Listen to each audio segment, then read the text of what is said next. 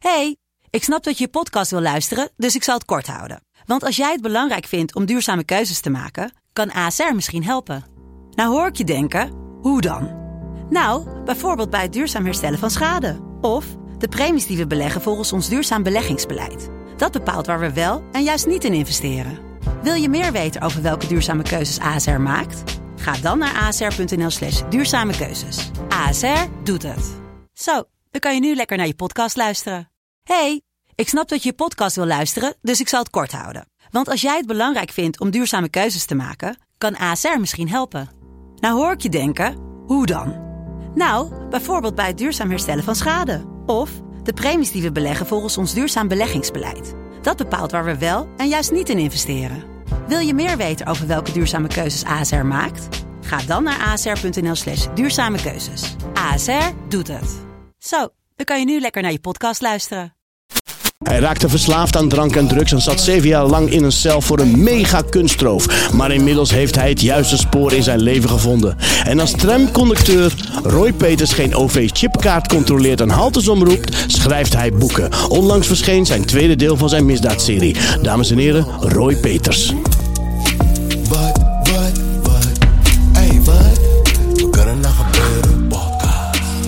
Welkom allemaal bij deze podcast. Wat kan er nou gebeuren? Ik ben Najib Amali en tegenover mij zit Reda Saleh. En vandaag is onze gast Roy Peters. Roy, leuk dat je er bent. Welkom bij deze podcast. Je eerste podcast heb je me net verteld. Inderdaad, mijn eerste podcast. Leuk, nou welkom. Eh, jij kent Reda al een tijdje? Ik ken Reda eh, eigenlijk al bijna acht jaar. Oké, Acht jaar, ja. wauw. Ja, ja, voor mij, eh, voor mij is het de eerste keer dat ik je ontmoet. Ik ben blij dat je er bent. En eh, nou, nogmaals, welkom bij deze podcast. Nou, welkom, fijn dat je er bent. Nogmaals, ik ben benieuwd eh, wat het gaat brengen vandaag. We gaan het zien. Een tijdje.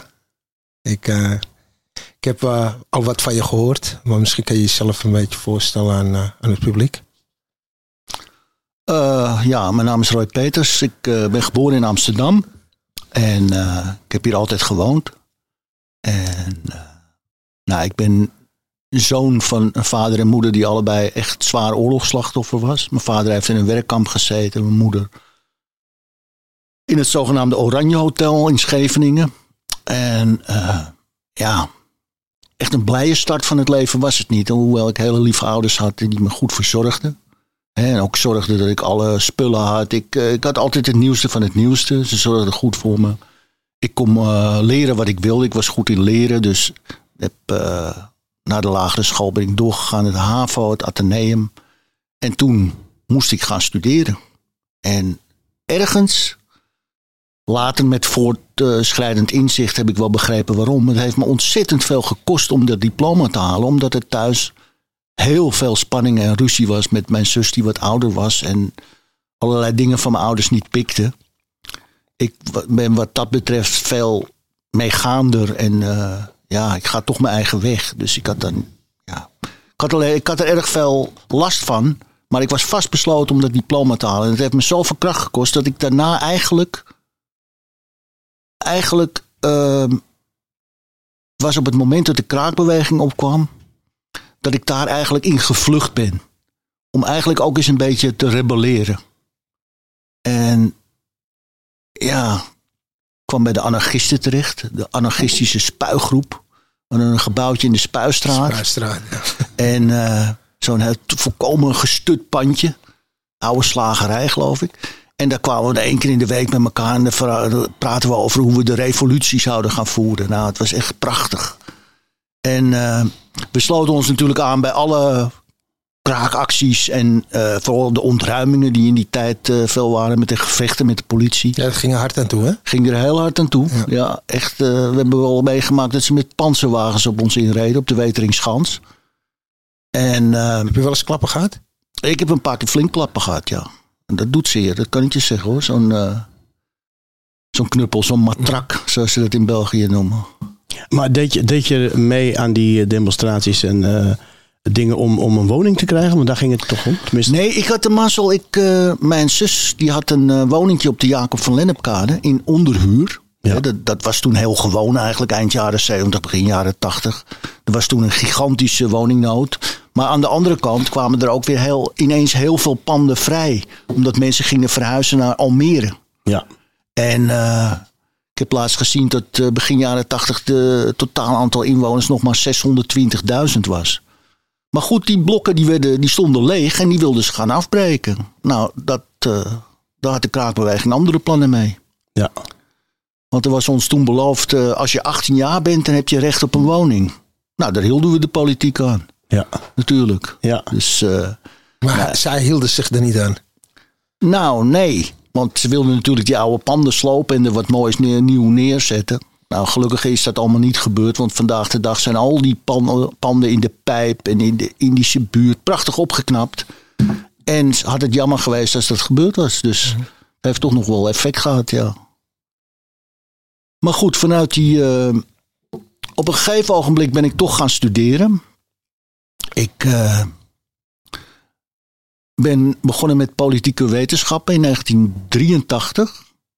Maar dat eerste jaar, wat gebeurde er? Ik, mijn zuster die woonde sinds een jaar ongeveer met haar, eh, met haar man in Jeruzalem, in, eh, in eh, Israël.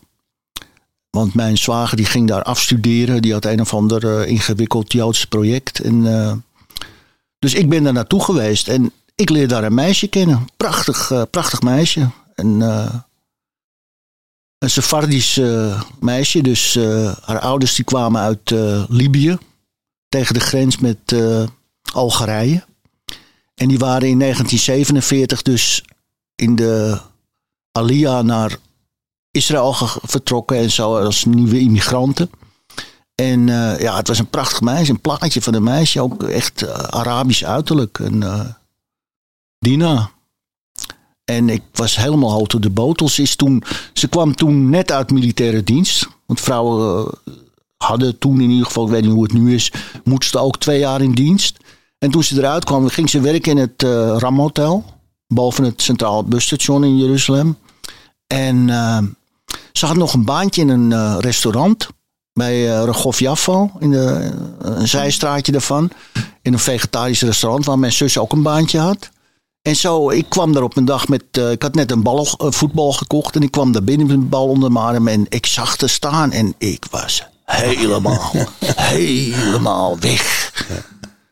En ik had mijn zus te vragen, weet je wel. Ze zegt, nou ga er dan gewoon naartoe. Ga maar naar dat hotel toe. Hoe oud was je toen? Toen was ik 23. 23. En eh, nou, dat, dat werd geweldig. Ze, ze werkte toen om geld te verdienen om naar Europa te gaan. En in die zomervakantie eh, kwam ze dus ook bij mij. En eh, nou ja, dat was romance eh, ge- geweldig. Als ik geweldig. zo naar je kijk, denk ik van dit was je eerste liefde. Dat was mijn eerste liefde, ja. ja, ja. ja. Ze woont tegenwoordig nog altijd hier in Nederland. Ze heeft een andere... Maar goed, het- ik sla even wat dingen over. Want ik ben toen naar Jeruzalem gegaan. En ik ging daar de taal leren. Ik ging naar de zogenaamde. Een soort, eh, ja... eh, hoe heet dat hier ook weer? Eh, inburgeringscursus. Oh ja. Want je leerde de taal, maar je leerde ook over het land, hoe alles werkte en dat soort dingen. Dus, en ik zat in de derde klas, Kita Gimel. En in de pauze had ik de, ging ik de ene keer ging ik naar een Koerdisch bakkertje. Koerdisch-Joods bakkertje in een zijstraatje. En de andere dag dan ging ik naar de hoek van de Gafjafo en eh, King George Avenue, Hamelach George. En daar zat op de hoek een, een falafeltentje waar je lekker je broodje elke keer bij kon vullen met, met, ja, met, eh, met tomaat, met salade, met van alles. Echt lekker, je kon daar echt lekker eten voor een prikkie. En die dag liep ik daar weer naartoe en ik ben bijna bij de hoek en ik hoor een enorme knal. En daarna nog een knal en nog een knal. Dat bleken handgranaten te zijn. Ik, eh, ik verstijfde, dat weet ik nog. En op een gegeven ogenblik kwam er aan de andere kant van de straat, op de andere hoek zat een fotowinkel in die tijd. En er kwam een man uit met een getrokken revolver. En ik keek om de hoek en ik zag die kogel bij die dader door zijn hoofd gaan en er aan de andere kant weer uitkomen. En met een deel van zijn hersenen. En toen ben ik flauw gevallen. En toen ik bijkwam, eh ik weet nog wel, dat soldaten waren gekomen, die jeeps. En tikte zo op mijn wang. En zag natuurlijk dat ik niet, geen verwondingen had. En die zei, Atabesede, je bent oké toch? Oké. En ze gingen weer verder. Toen ben ik gaan lopen. Ik was eigenlijk volslagen de weg kwijt. Ik ben gaan lopen. Ik ben, uren heb ik gelopen. En toen kwam ik uit in het, eh, in het Jerusalem Forest. Dat is zo'n aangelegd... eh, toen ik klein was, was het heel gewoon dat iedereen kocht een boom. Om, om, om, het, eh, om Israël te beplanten met bomen. Maar je was dus eigenlijk getuige geweest van een aanslag. Van een aanslag, ja. Van de, van de Palestijnen op de... Van- het was een Palestijn, ja, ja zeker. Oké, ja. Er waren, er waren een paar doden ook. En het, was, eh, het was heel bloed- bloederig in ieder geval. Ja. Heel vervelend om. eh, Maar ik, ik kwam dus in de Jerusalem Forest terecht. Ik zat op een rots. En ik hoor ineens in die struikgewas. Hoor ik, k- k- k- k. schrik me kapot. Ik denk, er komt er weer een. Er komt weer een terrorist. Ja. Wat komt eruit? Zo'n grote schildpad. Het bleek dus een type te zijn wat op de Krim voorkomt en in Israël. En die keek me aan. En ik ben toch in de lach geschoten. het, was, het was zo alsof het. Ja, alsof alles ineens oploste. En toen ben ik naar huis gegaan. En eh, ja, ik heb er verder niet over gepraat eigenlijk. Maar wat, wat, als je dan nu zo terugdenkt en je denkt aan die schildpad die je daarna aankijkt. Ja, dat is schitterend. En- en- en- en- Wat, wat is dat voor, wat, wat zegt dat jou? Ze- Heeft, heeft het nog een betekenis? Nou ja, hoe betrekkelijk het eigenlijk allemaal is. Het is, het is natuurlijk, je maakt er verschrikking mee. Ja, Maar die schildpad laat je zien dat het gewone leven doorgaat. oké, dat bedoel je. Ja. Ja. Dat het gewoon doorgaat. Ja. Ja. En eh, pas veel later heb ik daar last van gekregen. Ik ben later teruggegaan naar Nederland. want De relatie liep ook spaak. Dat heeft onder andere hiermee te maken gehad. Maar ook met... eh, ja... Moet ik ook nog vertellen wat er ook gebeurd is. Ze zagen wel dat ik een jongen wa- was die een beetje in de knoop zat met zichzelf. Dat was eh, heel duidelijk. En ehm, toen ben ik op advies van een zuster van Dina zijn we naar een, eh, een psycholoog van de Universiteit van Tel Aviv. Die had zich verdiept in handledenkunde. En die had daar echt een, ja, die had iets daar ontwikkeld wat, wat, wat niet van dat je leest van nou eh, morgen ontmoet je een mooie vrouw of dan en dan heb je zoveel op je bankrekening. Dat is niet dat soort flauwekul, maar gewoon wie jij bent. Oh ja. En dat kon je lezen uit je, uit je, hand, eh, Ja. je handlijnen. Ja, en ik had dus één lijn, die, die is er nu wel. Die was er niet, de stabiliteitslijn. Hij zei, je moet, je moet begrijpen, je bent super intelligent. Je kunt worden wat je wilt. Je kunt hersenchirurg worden, je kunt, ja, weet ik veel, wat je maar wilt. Maar bij jou moet het meteen succes zijn. Het moet meteen Quick fix. quick fix. Hij zei, en het is zo, je moet het zo zien, Roy. Jij loopt op een rechte weg van punt A naar punt B. Niks aan de hand, de zon schijnt, het is prachtig weer. Maar jij denkt, oh, er zou zo direct wel eens een wolk kunnen komen. En die moet ik voor zijn, want dan kan het gaan regenen, dan kan het gaan bliksemen. Dus ik ga even een zijweg in. Hij zei, je komt nooit aan op het punt waar je aan moet komen. Die man heeft de ziekteverslaving voor mij eigenlijk al al gezien en gezegd. Alleen toen begreep ik het niet. Pas veel later, toen ik in de kliniek zat, op het eh, Surinameplein, met de twaalf stappen, toen, toen ineens kwam dat besef. Daar is het al gezien. En toen ben ik ook gaan terugkijken hoe ik was.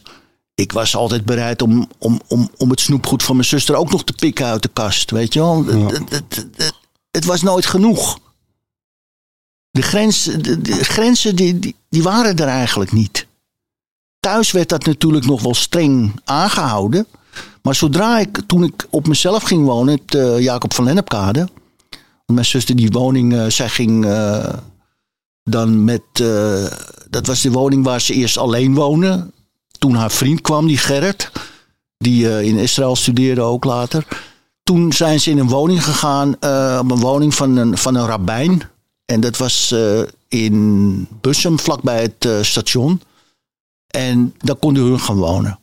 Toen heb ik die woning overgenomen en ja, toen was het lang leven de lol. Dat was precies in die tijd met die kraakbeweging. Tot diep in de nacht in het kraakcafé zitten. En maar, eh, en maar bomen, weet je wel. Over hoe we de revolutie gingen voeren. Ja. En dat ging ook gepaard zeg maar, met, met drank en drugs in die tijd? Nou, bij mij alleen met, eh, met drank. Oké. Drugs is bij mij pas later gekomen in de gevangenis. Ja. Hey, en Roy, dronken je ouders ook? Is er verslaving in jouw familie? Nou, mijn vader die, eh, die was zo'n man die één glaasje wijn kon nemen. En daarna de kurk erop doen. En wegzetten voor morgen. Ja, dat begrijpen wij niet, hè? Dat- Die dacht in glaasjes. Ik denk in flessen. Ja. Maar dat is. Nee, dat, dat is iets wat ik niet begrijp. Mijn moeder. Ik, de, ik heb wel eens ontdekt dat eh, eh, mijn opa. Die kon er ook wat van. Dus zat in de familie. Die, die, kon, die, kon, ja, die zei altijd als hij een eh, borreltje op had. Nou, op één been kan je niet lopen. Nou, ik zeg, opa heeft zeker een heleboel benen. ja. Nee, dat, en mijn moeder die heeft een korte periode gehad dat ze veel dronk en rookte. Maar die kon er wel mee stoppen. Maar nee, ik zelf kon er niet mee stoppen, nee. Nee. Ik ben toen uiteindelijk... eh, ja, ik... eh, eigenlijk het grote ding in mijn leven is geweest... eh, toen ik weer ging studeren... en terug was in Nederland... ging het aanvankelijk wel lekker... Maar op een gegeven ogenblik, het eh, tweede jaar van de studie, halverwege het jaar, zo'n beetje in de winterperiode, toen kreeg ik last van eh, paniekaanvallen en van eh, concentratieverlies. Ik kon niet, kon niet die hoeveelheden tekst lezen die ik moest lezen, want die letters gingen bewegen. Ik, ik werd helemaal gek. Later is me duidelijk geworden dat toen het posttraumatisch stresssyndroom ging werken bij mij. En eh, En dat is te herleiden naar, naar die gebeurtenis in Israël. dat is wel voornamelijk daaraan te danken, denk ja, ik. ja, ja, dat het onbewust verder heeft, eh, ja, een beetje door heeft gecijpeld. Ja. maar even zo te zeggen. En dat is ineens gaan werken en het lukte gewoon niet meer. En ik werd wanhopig. Want ik zag, ja. Ik zag iedereen slagen en iedereen doorgaan. En ik, ik denk, wat moet ik nou? Ik kan niks meer, weet je wel. Dus ik kreeg een steeds lager zelfbeeld. Ja. Ik denk, ik ben niks, weet je wel. En toen opeens in 1989, toen dacht ik, ja, nee, we gaan het anders doen. Als het niet gewoon kan, dan gaan we het anders doen. Toen ben ik dus bewust gaan solliciteren bij een beveiligingsbedrijf. Toenmalige VNV Beveiliging. Met het idee van hier ga ik, op deze manier ga ik plannen maken. Ik ga eens kijken wanneer ik iets vind wat interessant is. En dan trek ik daar een heleboel geld uit. Oké. Dat, was, dat was gewoon een bewuste keuze om daar te gaan werken. Ja, dat is een bewuste keuze geweest. En dat kwam uit die lage zelfwaarde. Ja, ik denk, ik kan, ik kan het niet op deze manier kan ik niet eh, aan mijn geld komen. Kan ik geen goede baan krijgen. Dat had ik al helemaal bedacht voor mezelf. Want dat zou ik toch niet kunnen. En alsof dat zo belangrijk was eigenlijk.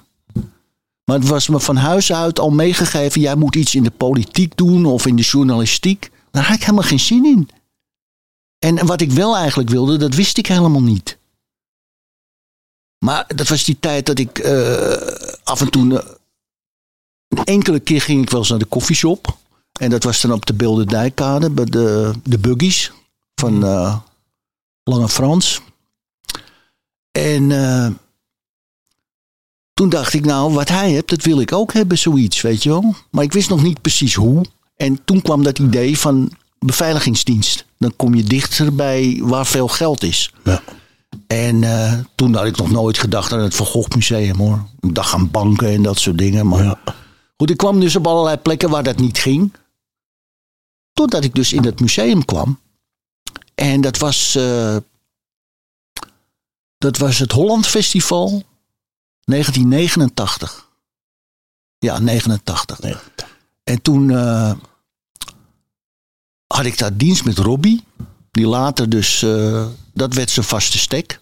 En ik, ik zat her en der. En ik kwam daar dan toevallig. En precies die avond. En toen hoorde ik een van de eigen bewaarders, bewakers zeggen tegen de anderen. Ja, het is leuk beveiligd hier. Het was een Chinese man. Leuk beveiligd hier. Maar wie, wie bewaakt de bewakers? en toen was het klik. Bingo. Wie bewaakt de bewakers? Ja. Wie bewaakt de bewakers als het alarmsysteem uitstaat? Toen vond je het gat. Toen wist ik ongeveer wat, wat er moest gaan gebeuren. En kijk, mijn bijnaam in het milieu was de spin. En ik ga dan inderdaad mensen op bepaalde plekken neerzetten. Zoals de recherche zo'n bord hebt met Ja, ja. foto van die, foto van die, lijntje naar dat, lijntje naar dat. Ik denk, Robbie moet ik hebben. Want het was een jongen die, die, die, die, die zocht sensatie. En echt een, een leuke jongen uit de Monnikendam. Maar zo naïef als maar kon. Voor alles in. Ik denk, die moet ik hebben. En toen moest ik natuurlijk mensen zoeken die het gingen doen. En dan hebben we het over het Van Gogh Museum. Over het Van Gogh Museum, ja. En ik had een poosje gewerkt samen met het eh, beveiligingsbedrijf. Voor een, daar had ik al eerder was ik daar gaan werken in 86 als schoonmaker bij een farma- farmaceutisch bedrijfje. En die hadden opiaten, die hadden alles. En eh, toen was ik al op het idee gekomen om, eh, om mensen daarvoor te gaan zoeken. En via een ander pand had ik een Surinaamse man leren kennen. Die later mijn verrader bleek te zijn. Een zekere Roy Zuiverloon. Die, eh, die was hoofd van de, van de schoonmaak. En die, die trok mij dat wereldje in. En zo kwam ik eh, in, eh, in het café, eh, hoe heet het nou? Krijtmolen. Surinaams café op de. Hoe heet het daar, die kade? De, waar ook die eh, Turkse moskee zit. Ehm, In West. In West, ja. De, baasjes, de Baasjesweg. De Baasjesweg is dat. En eh, daar kwam ik in contact met eh, jongens die wat, eh, die wat konden doen. En de eerste keer dat we het deden, het waren dus allemaal opiaten, die zijn naar Nigeria gegaan. En, en wat, wat, waar hebben we het over? Opiaten? Dat zijn. allerlei slaapmiddelen, Ja? Morfine. morfine. Oké. Morfine, Dat, zijn, ja. dat, vallen, dat Ja. valt allemaal onder Ja, eh, opiaten, ja. Oké. En die zijn, Tramadol, dat soort dingen zijn allemaal opiaten. ja, Ja. Ja, zit, ook allemaal in de kluis bij, eh, bij een apotheek. Dan heeft ze echt iemand een dubbele handtekening Ja, ja, ja. die ze moeten Ja. zetten. Dan, ja. Ja, ze hadden ook pure cocaïne. Want dat Oh. werd dan gebruikt voor eh, ziekenhuizen. Voor, ik weet niet waarom, maar het was er. Weet je waar de eerste cocaïnefabriek zit? De NCF, Nederlandse Cocaïnefabriek. In Zandam. Nederland. Ja. In Zaandam. Ja. Daar kom ik eh, bijna vandaan. Als ik dat wist, hoefde ik nooit zo ver naar Amsterdam toe. Ja, was meer Gewoon dan een cocaïnefabriek. Minder dan, eh, ja, meer dan 100 jaar geleden. Maar dat ja, werd echt. gebruikt, wat jij net zegt, speciaal. Voor medische- voor medische- voor- Voor- nou, nee, die- in het verleden, ik weet wel van mijn eh, moeder die in Wassenaar eh doktersassistente was. Heel veel vrouwen van eh, artsen, die, die gebruikten ook cocaïne en morfine. Oké. En eh, dat was echt een probleem. Want het Ja. moest dus in de boeken eh, moest dat eh, recht worden getrokken. Maar het eh, cocaïne en morfine was een genotsmiddel voor de rijken al vroeger. Ja. Ja, absoluut. ja. Dus jullie gingen die, die, dat farmaceutische fabriek binnen om, om de spullen daar weg te halen? Ja, die, niet, eh, niet voor eigen gebruik? Je niet voor eigen gebruik. Ik, Je had er nog nooit van geproefd? nee hoor, of- ik, eh, ik was alleen maar aan het bier. Ja, En eh, heel af en toe is een jointje. ja. Hè, Maar heel af en toe, niet. maar dat vond ik toch maar minder. Ja, ja. En eh, En dat is na- later natuurlijk veranderd. later is dat, is dat zeer sterk veranderd, ja. Dat, eh, maar even kijken. Nou, dat, die kraak, dat smaakte naar meer. Ja. Ik had ontdekt dat ze dus ook nog lidocaïne hadden. Dat is een... eh, ik heb vandaag bij de tandarts Ja, geweest. ik dat heb er ook over gehoord. gekregen. Ja. Dan krijg je, ja, lidocaïne. Lidocaïne is Ja. een geweldig versnijdingsmiddel. Het geeft hetzelfde gevoel als Mhm. cocaïne. Dus het is zaak om, die vloei, om dat vloeistof, om dat vaste stof te maken. En dan kan het gebruikt worden als versnijdingsmiddel. Voor kook. Ja. En dat hebben we toen verkocht en dat is naar Sint Maarten gegaan. Want dat is een, eh, ja, een freeport. En eh, ja, daar had die, eh, die baas van het café, die had er allemaal contacten. Ja. En eh, ja, dat heeft toen aardig wat geld opgeleverd, dat weet ik nog wel. Maar het geld, ik was ook weer verslaafd geraakt aan het casino. Oh, Want ik dacht, in het, in het kader van een gezellig avondje uit, ja. kwam ik in het casino in het Hilton Hotel. Echt een verslaafde. Nou, dat, eh, dat ging heel erg leuk. Vervelende was, ik won meteen. Oké. Ja, en dat, is, dat moet je natuurlijk niet hebben, want dan denk je dat je blijft winnen. Ja. En eh, ja, ik heb het tot de cercle privé geschopt. Dat was heel interessant, want dan stond ik tussen de grote jongens. En cirkel privé, dat is. Ja, dan word je naar eh, een kamertje gebracht of Nee, dat, dat is, is- dat, is, dat, is gewoon een, eh, dat is gewoon wat hoger in de casino. En dan zijn de bedragen gewoon wat groter. Ah, oké. En een drank is gratis. Ja, Ja. Als je maar inzet, ja. Als je maar inzet. als je me inzet. als je maar plakjes neerlegt, hè, want dat, zover was ik dat ik dan eh, wat plakjes had. Ja. Want al dat, eh, al dat criminele geld, dat, dat moest rollen natuurlijk. Hè. Ja. En champagne. Champagne, nou. Ja, Ja. van die hele grote flessen. Die kocht ik dan op de avondwinkel op de Overtoom. Ja, Ja. als ik naar huis liep. En eh, Is, is dit het Holland Casino? Ja, heb je ook in het Holland Casino. Ja, Nee, Holland was dit in het Holland Casino? dat was een Holland Ja, Casino. Dat was was alleen een nog maar. Dat was alleen nog. Ja, Oké. ja. ja. En illegale gokhuis had je. En illegale maar gokhuis. eh, daar is het sowieso cirkel privé in. eh Ja, Ja, daar ja, is ja. het onbeperkt in zitten. Ja. in onbeperkt inzet. Ja. Ja. En even kijken. Ja, waar ik ook verslaafd aan was geraakt, is eh, aan de vrouwtjes, aan de hoertjes. Oké. Want dat was lekker makkelijk. Ja, er hoefde geen relatie aan te gaan. Nee. Ja, soms, ja, ik, eh, ze vonden me wel leuk. Af en toe ging er eentje mee naar huis, weet je wel. Een paar nachtjes bij, eh, bij me logeren. En, maar ja, dat werd dan natuurlijk niks. Want ik had er verder eigenlijk helemaal geen zin in. Nee. Ik leefde van kick naar kick. En ja, ze moesten niet in de weg lopen, weet je wel. Ja. Neuken is leuk, maar verder, eh, verder niet. Ja. Heel gemakzuchtig, heel eh, zelfzuchtig natuurlijk ook. Hè? Echt eh, typische verslaafde. Ja, toen kwam dus het moment dat we die overval gingen plegen op het Van Gogh Museum. Dat was goed voorbereid. En Want je werkt nog steeds als beveiliger. Ja. En daarbij gokte je Nou. gewoon. En, en, en dat. ik ben toen op een gegeven moment, je moest je beveiligingsdiploma halen. En daar had ik eigenlijk helemaal geen zin in. Want ik zag alleen, ik zag het Van Gogh Museum toen aankomen. Ik denk, ach, ik heb dat niet meer nodig, weet je wel. Ja. Dus ik heb dat niet gedaan. Dus ik werd uit dienst, ik ben uit dienst gegaan daar. Oké. Dus, eh, niet ontslagen, maar gewoon, ik had mijn diploma niet. Dus hield het op na, de, na een bepaalde periode. En eh, vond het prima, want dan kon ik me er helemaal op richten. Ja. Ik heb eh, de hele omgeving van het museum verkend. Toen had je nog niet zoals nu dat overal camera's hingen. Nee. Dus dat scheelde.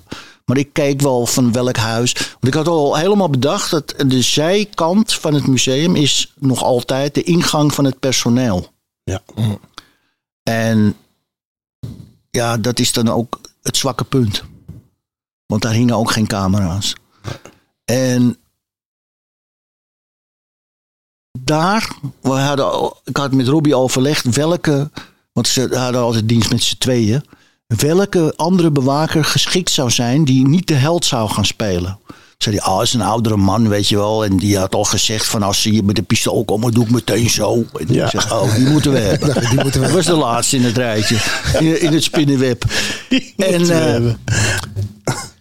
Nou, toen, eh, want die had dus ook, dat was heel mooi, want die had een station, een eh, Peugeot station wagon. En daar konden die schilderijen mooi achterin. Dus dan was het zijn sleutels afnemen en daarmee wegrijden. Met zijn wist- auto. Met zijn auto, ja. En maar wist je al welke schilderijen je wilde nemen? Nou, dat is al ook weer een heel ander verhaal. Oh. Aanvankelijk zou het gaan om drie of vier schilderijen. Ja. Toen zijn we natuurlijk gaan kijken in het museum, hè, als geïnteresseerden. Ja.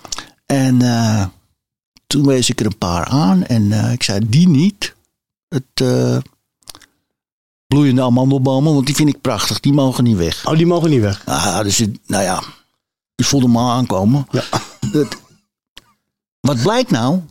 Een week van tevoren zegt Kalla, zegt Kalla ineens tegen me. Hij zegt, eh, Roy, eh, ze willen zoveel mogelijk hebben.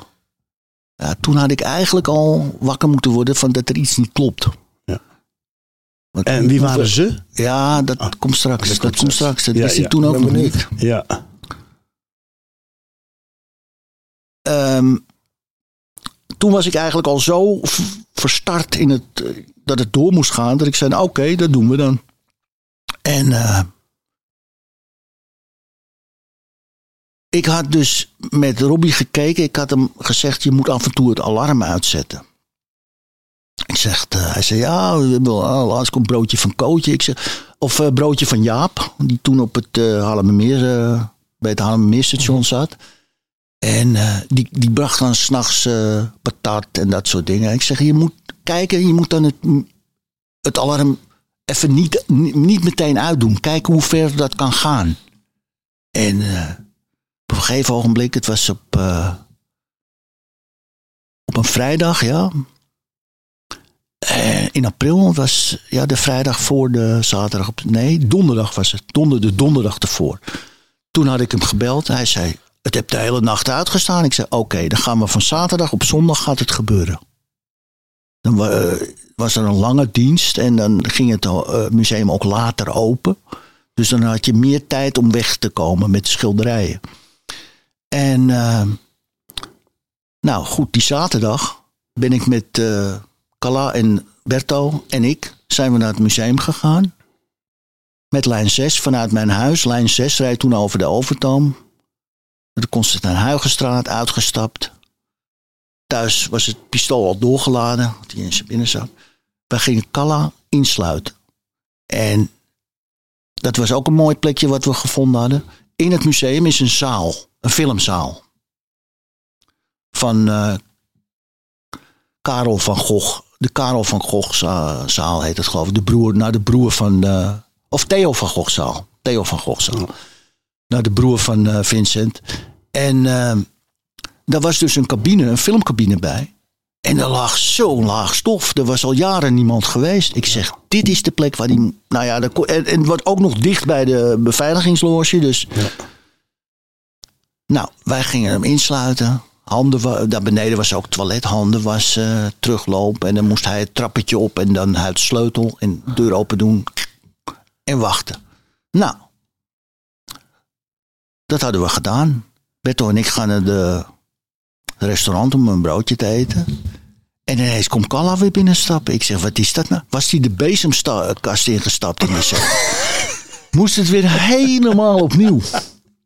Want je had er geen mobiele telefoon in die tijd, hè? Dat je elkaar kon bellen. Nee, van- dat kon helemaal niet. Nee, Nee, nee, dat nee. was nog heel ouderwets. Wauw. En ik zeg, nou, dan moeten we weer terug, weet je wel. Eh, Kalla met het zweet op zijn voor. Ik zeg, rustig aan, rustig aan. We gaan weer handjes wassen. Het toilet. Het toilet komt er ook een bewaker die moet plassen. Weet je wel. Ik denk, oh, dit gaat helemaal niet, weet je. Oh, dat wordt niks. En nou, uiteindelijk rustig blijven, rustig blijven, rustig blijven. Ja, is het gelukt. En Berto en ik naar buiten. Hebben we nog even gekeken vanaf... eh, toen was het nog eh, aan de overkant van de weg. Want er liep dus nog een weg hè, tot onder het Rijksmuseum door. En aan de andere kant van het grasveld gekeken naar de ingang of de, de, ploeg. Dus of, of Robbie met, met zijn, met zijn medebewakers zich daar aanmelden voor de dienst en de anderen weggingen. Ja, oké, toen was het goed. Zijn we naar huis gegaan. Roberto is s'nachts om eh, drie uur teruggegaan. Die werd binnengelaten. Want op dat moment was uh, tevoorschijn getoven. Had zijn pistool getrokken. En die had de, de magische woorden gezegd. Put off the alarm number 2 en 12. Waarmee je dus meteen weet, te kennen geeft dat je weet. want- Eh, Dat was dus het stomste wat je kon doen. Maar ja, ik was er niet bij, want ik was thuis. Ja. En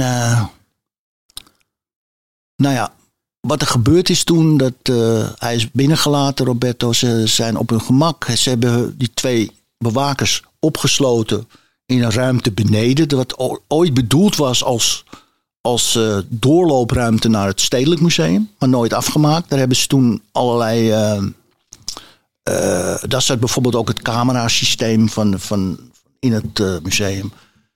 En daar, eh, daar, daar waren die eh, bewakers opgesloten. Zij, die hadden die schilderijen uit de lijsten gesneden.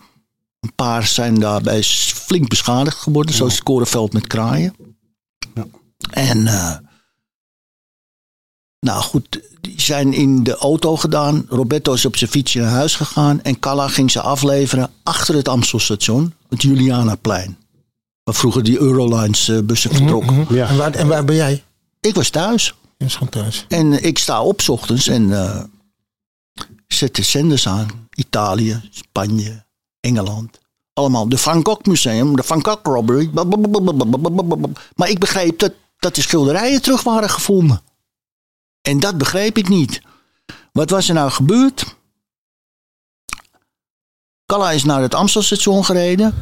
Hij had meteen, zei hij, meteen. En de andere ochtend was ik meteen naar hem toe gegaan. Ik wist waar hij was bij Roberto. En had een Mercedes meteen achter hem gezeten tot de Berlagebrug. En hij is de Berlagebrug overgegaan, meteen rechtsaf. En er kwam geen auto. Er kwam geen auto die het afhaalde. Wat was er nou ondertussen gebeurd? Robbie, om te laten blijken dat hij er niks mee te maken had, heeft zichzelf bevrijd.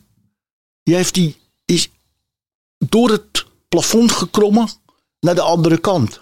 En hij heeft de politie gewaarschuwd, een half uur later. Nou, dus die sturen natuurlijk al. Dus ze ontdekken natuurlijk dat die auto gebruikt is. Nou, dan weten ze het kenteken. Ze zijn overal gaan zoeken. Kalla staat daar te wachten met die spullen. Hij had ook nog één tas waar kleintjes in zaten. Kleine schilderijtjes. En eh, ineens ziet hij zo'n takelwagen van de, van, de, van de politie. En hij ziet dat die man naar hem kijkt en begint op te roepen. Toen heeft hij alles ne- neergelaten. Hij is in de, er kwam net een nachtbus aan, daar is hij ingestapt en weg. En eh, ja, die schilderijen zijn dus allemaal weer teruggevonden. Binnen een half uur heb ik begrepen. Binnen een half uur. Jezus. Blunder op blunder. Ja, de auto die zou komen, het zou komen ophalen had een lekke band gehad. Neem je, natuurlijk, neem je toch een andere auto, Ja. zou ik denken. Nou ja, het was natuurlijk eh, schrikken. En ik, zei, ik, ik was daar en ik zeg tegen maak je niet druk. We gaan, eh, hierna komt die Tashi Computers aan de beurt. eh, weet je wel. Ik had al een heleboel plannen Ja. lagen klaar met sleuteltjes van de vrachtwagens. Blub. Was al besproken waar het naartoe kon, naar, eh, naar Paraguay. Grote plannen. Is er nooit van gekomen, gelukkig. En Robbie kwam met het idee van ja, ik heb al die dingen gedaan. Ik wil ook wel een schadevergoeding hebben. Zou aan gewerkt gaan worden. En eh, op een middag loop ik eh, naar het Kremerplein bij mij in de buurt. Ik woon in Jaap Vlebekade, dat was daar vlakbij. En ik zie ineens eh Kalla met een koffer. En bij een taxi. En Roberto kwam naar me toe en die kwam, ja, maar hij gaat even naar Suriname via Frans-Guyana, weet je wel. Ik denk, oh, oh, oh. Dat was één. Maar ik had ook... Nou, dat is niet zo belangrijk eigenlijk toen kreeg ik al een vermoeden. En later is me dat duidelijk geworden. Waarom? Dat de opdrachtgever voor die schilderijenroof Daisy Bouters is geweest. En waarom? Omdat hij op dat moment was eigenlijk vrij logisch. eh, niet zo goed bij stond hier in Nederland. Dat hij eh, eigenlijk een, ja, een persona non grata. En eh, ik weet niet of hij toen al veroordeeld was. Dat weet ik niet precies. Maar hij werd in ieder geval wel verdacht van grootschalige cocaïne, cocaïnehandel. En dan weet je zeker dat het Daisy was. Dat, dat, dat de opdrachtgever is geweest. Dat kan niet anders. Het kan gewoon niet anders. Kan niet anders. En hoeveel schilderijen waren het? Weet je, later, later weet, weet ik het zeker. Omdat Kalla dus voor Bouters is gaan werken in de cocaïnehandel. Wat hij nooit had moeten doen. Omdat hij net als ik daar niet geschikt voor was. Hij was veel te gentle. Was ook een gentleman. Nou, dat ben je niet geschikt voor die handel. En ehm, even kijken hoor. eh, Hoeveel schilderijen waren het? 20 schilderijen. 20. Met En- een, en een waarde? geschatte waarde van 1,2 miljard gulden. Zo, Toen, in we die dat, tijd. toen ik dat hoorde, eh, zakte ik ongeveer door alle bodems heen. Ja, dat snap ik. En eh Want wat zouden jullie krijgen? Wist je dat al? Weet je, dat 5 miljoen per persoon. 5 miljoen. En jullie waren met z'n vieren. Dat is 20 20 miljoen. Blijft er nog een hoop over voor diegene die... eh, Maar ja, die schilderijen die had hij dan vast en zeker nodig. Net zoals criminelen dat, eh, Om zich vrij te komen. om, om ja, een onderhandelings soort troefkaart. Ja. troefkaart te hebben. Ja, ja. Verlaat gevangenis. Ja. Zo'n zo'n kaart. Ja. zoiets. Ja. Een monopolie. Dat, dat is... eh, Oh, Kijk, wauw. 100% bewijzen kan ik het niet. Maar 1 en 1 is 2 en 2 en 2 is 4. Nou, dan ben je al een eind op weg. Ja. En ehm, ja, maar dit is goed. de eerste keer dat je dat zo verteld hebt. Ja. Ja. Wow. Maar ja, toen kwam het vervolg. Hè. Ik eh, probeerde toch eh, om, om, om een grote slag nog weer te gaan slaan. En, eh, want we hadden al iets laten lopen. We hadden, waar later waar de ABN AMRO Bank zat op de Van Baarlestraat. Die stond toen een hele poos in een verbouwing. Maar er waren ook kluisjes beneden. Oh, ja. En er was geen alarm. En er zat maar één bewaker. Dan hadden we eigenlijk al een plan om iemand een, uniform te geven, naar binnen te gaan. De dienst over te nemen, zogenaamd. De andere gaat weg, de volgende die komt. Meteen klik, klik, vastzetten en dan naar binnen. En de kluisjes. eh, we hadden al een brander. We hadden al zo'n thermische lans, die was gestolen bij de hoogovens. En eh, die hadden we toen getest in die eh, ruimte onder het café. Aan de Baarsjesweg. En echt waar, die ging als, als een mes door de boter heen. Zo. Dus, eh, maar goed, die hebben we toen maar afgeblazen. Omdat het misschien te veel, te kort op elkaar zou zijn. Ik weet niet, dat, dat, dat, dat we ons zouden vertillen. Hadden we dat nou maar gedaan, dan hadden we tenminste contant geld gehad. Ja. En goud. En diamanten. Maar goed. Al met al blijkt dus later zag ik dus wat, wat voor apparaat er was geweest om ons op te sporen. Want het is niet alleen maar de gewone politie geweest. Het is ook de veiligheidsdienst geweest. Interpol. Interpol, ja, daar sta ik nog altijd eh, geregistreerd. Ja, als internationaal kunstdief. Oh ja? ja, ja. niet te geloven. Heb je daar wel eens eh, last van als je zeg maar gaat vliegen? Dat, je dat, dan, dat ze dat dan... Nee, ik denk alleen als je naar Amerika gaat dat het... eh, Ja. ja, ja, het is nu ook al zo lang geleden. We praten over 13 op 14 april 1991. Ja, ja. 30, 30 jaar Ja, geleden. dat is meer dan 31 jaar geleden, weet Ja, je wel. Dus bijna. Dus dat, ja, Ja. nee. Zelfs alle andere dingen die ik nu vertelde net, Ja. waar ik niet voor veroordeeld ben, die zijn allemaal al verjaard. Verjaard, dus. ja. En trouwens, zijn- ja, dat wisten ze ook wel hoor. Dat wisten ze ook wel dat ik die andere dingen had gedaan. Ik zeg, nee, daar heb ik niks mee te maken. Nee, Ja.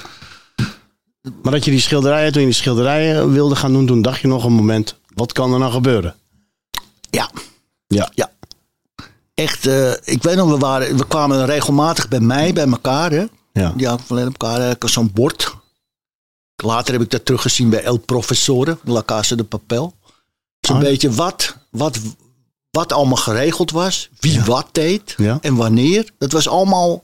Zei ik, nou gaat prima, wat kan er nou nog gebeuren? Ja, ja het is toeval- heel stom toevallig Ja. dat dit, Ja, deze podcast zo heet. het is echt... Ja. Ik zie het mezelf nog zeggen. Ja. Wat kan er nou gebeuren? Gaat allemaal goed. Ja, komt goed aan. Ja, ja, ja. Want ik bedacht, het ging allemaal goed. Maar wat buiten mijn gezichtsveld wist, ja. Ja. Daar had je Dus geen rekening mee Nee. gehouden. Had de spin geen rekening mee Nee, gehouden. dat was buiten De het spin. web. De spin, Dat was buiten het web. Maar goed, eh, ja, maar goed ook. Goed, eh, En was dat, eh, ik vraag me ook af, hè, eh, als, als zo'n zo'n grote klus verkeerd gaat, is het dan de compensatie dat je dan sneller geld wil verdienen of, of weet je, nog groter wil gaan om, om het verlies te dempen? ja. En dat was wat we wilden, was wat ik toen net al zei, die. Hitachi computers. Het waren zogenaamde mainframes. Ja, dus hele grote dingen die dus eh, door steden worden gekocht om eh, alle verkeerslichten te laten werken. Of dat, soort, Ja, ja. dat soort grote dingen. En eh, dat had gekund, maar toen we bijna zo ver waren, toen ja, werden we gearresteerd. Mm. En ze arresteerden je omdat ze bezig waren met het onderzoek van de Van Gogh. Ja. Ja. En toen zijn ze op spoor gekomen waarschijnlijk. Ik had iets door de telefoon gezegd tegen mijn moeder. Ja, eigenlijk Oh. ja, had ik nooit moeten doen. Nee. Ik had er was toen in de krant gekomen dat ze waren gestopt met het onderzoek. En ik dacht dat het echt zo was. Ja. Eventjes een zwak moment.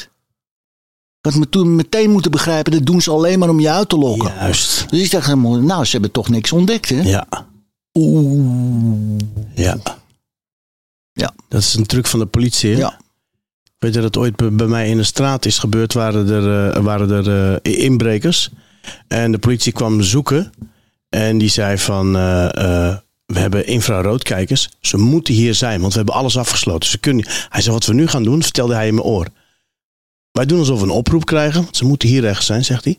Dan gaan we met sirenes. Gaan er een paar auto's weg met sirenes. Dan denken die dieven, hé, hey, de politie is weg. Ja. Dan komen ze waarschijnlijk omhoog in dat ding. En dan kon hij ze zien met een... eh, nou ja, eigenlijk wat ze ook bij, bij jou hebben gedaan. Ja. Ja. Door in de krant te zetten, we zijn gestopt. En wat, weet je nog wat je tegen je moeder zei? Ik zei, nou, ze hebben het toch met zo'n heel team niet, eh, niet kunnen oplossen. En dat was voor hun. Bam. Ja. Ja. Want ze luisterde de telefoon af van je moeder, Ja. denk ik. Ja. En van mij. En voor jou. Ja. Waar ben je gearresteerd? In mijn huis. Juist. Ja, om half vijf 's ochtends. En is dat ook met zo'n arrestatieteam zoals we tegenwoordig zien? Of gaat Gewapend, dat gewapend, ja. ja. Ja. Zak over je hoofd? Ja. En wat dacht je toen, toen dat gebeurde? Nou ja, ik had een wapen onder mijn kussen liggen. ja, wat ging ook nog wapen Oh, onder je kussen? oké. Maar ik schatte meteen de situatie. Ik heb meteen zo gedaan. Ja. En wat ging er door je heen? Ja. Ja. Shit. Ja. En ik weet nog, ik werd binnengebracht op de Leijmaansgracht. En die klap dat die deur dicht viel. Ja. Dreunde nog lang na. Dit is einde oefening. En je wist dat het lang ging gaan duren. Ja. Ja.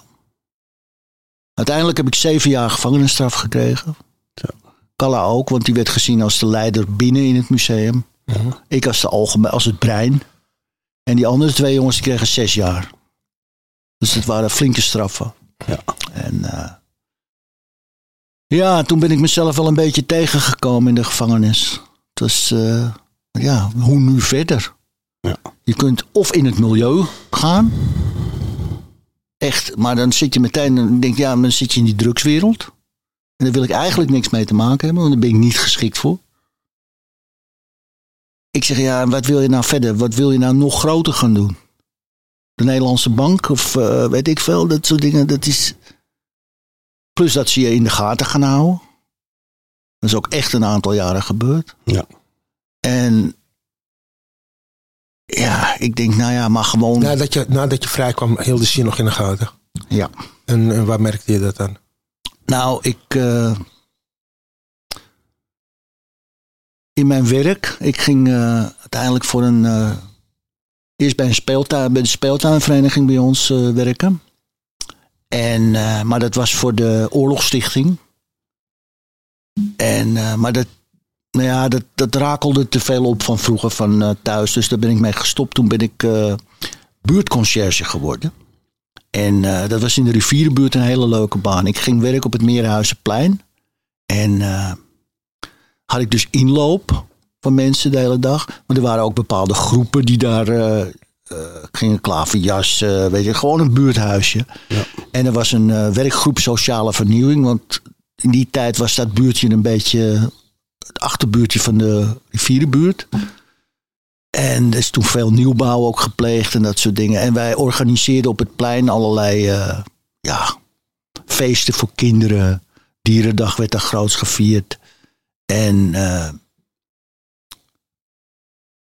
ja, ik eh, deed daar heel veel met de kinderen en de jongeren. Voetbaltoernooien. eh, de steps aangeschaft, deden ze stepraces. Echt van alles eh, om, om ze lekker bezig te houden. Maar het was ook een steunpunt van de politie. En ik zat daar heel vaak met politiemensen. En ja, dat was dus in het begin even een beetje mm, slikken, moeilijk. Wisten ze wie je was? Ja, natuurlijk wisten ze dat. Iedereen die met hun gaat werken, die trekken ze nou, ja, ja. Ja. En daar praten we ook gewoon over op een gegeven ogenblik. Na een jaar gingen ik zeggen, jullie weten toch van alles? Ja, tuurlijk, tuurlijk. En Oh, vandaar kwam dat je dacht ze, van, ach. nou, die, die zijn we in de gaten aan het toen houden. zei ze, ach, weet je wat, je hebt een misstap gemaakt. En je bent nu goed bezig. En toen, ja, toen ontdooide ik wat. Eigenlijk een, eh, eh, eh, ik heb jaren met hun gewerkt en eigenlijk ook wel een goede band gekregen. Een van de mensen met wie ik het langst heb gewerkt, Fred Borger, die heeft toen eh, op het bureau zelfmoord gepleegd. Precies wat hij twee jaar daarvoor tegen mij had gezegd. Toen zei hij, Roy, je hoort het nooit, maar weet je tot heel veel mensen bij de politie eh, zelfmoord plegen. En zei, gaan ze even naar het toilet, zetten ze het wapen in hun hoofd en schieten ze hem af. Laat hij het nou precies zo gedaan hebben. In de Ferdinand Bolstraat, het bureau. En eh, wa- Heftig, waarvoor was dat dat het bij agenten zo... eh, Ook posttraumatisch stresssyndroom. Oh, Oké. En er was in die tijd waarschijnlijk geen psychiater waar ze heen werden gestuurd of om... Nee, want hij zei, ja, psychische problemen, dat, eh, dat is niet zo populair bij de politie. Nee. Ja. Is het een taboe? Hij heeft wel eens wat verteld over eh, eh, kinderen, die, dode kinderen die ze gevonden Ja, ja, hadden. ja. ja, ja, ja. Ja, gaat jij volgens mij niet in je klauw, eh, koude kleren zitten. Ja, dat was ook iets wat stil moest blijven. Ja. Weet je, dat, eh, Daar praat je niet over. nee. Nee. Nee, maar wat van hogerhand ook was gezegd dat ze Oh, daar ja. niet over mochten praten. Oh, Ja. En dat, dat, Dus dat is dat stinkende, stinkende zaak. eh, ja. En dat heeft hij niet kunnen verwerken. Ja. Dus dat is een hele goede kerel. En eh politie-inspecteur, inspecteur van politie. Ja. Heb ik heel erg gevonden. Ik ben toen als enige burger in het bureau heb ik eh, het boek mogen tekenen. En ik ben naar de begrafenis geweest in Almere. Ja.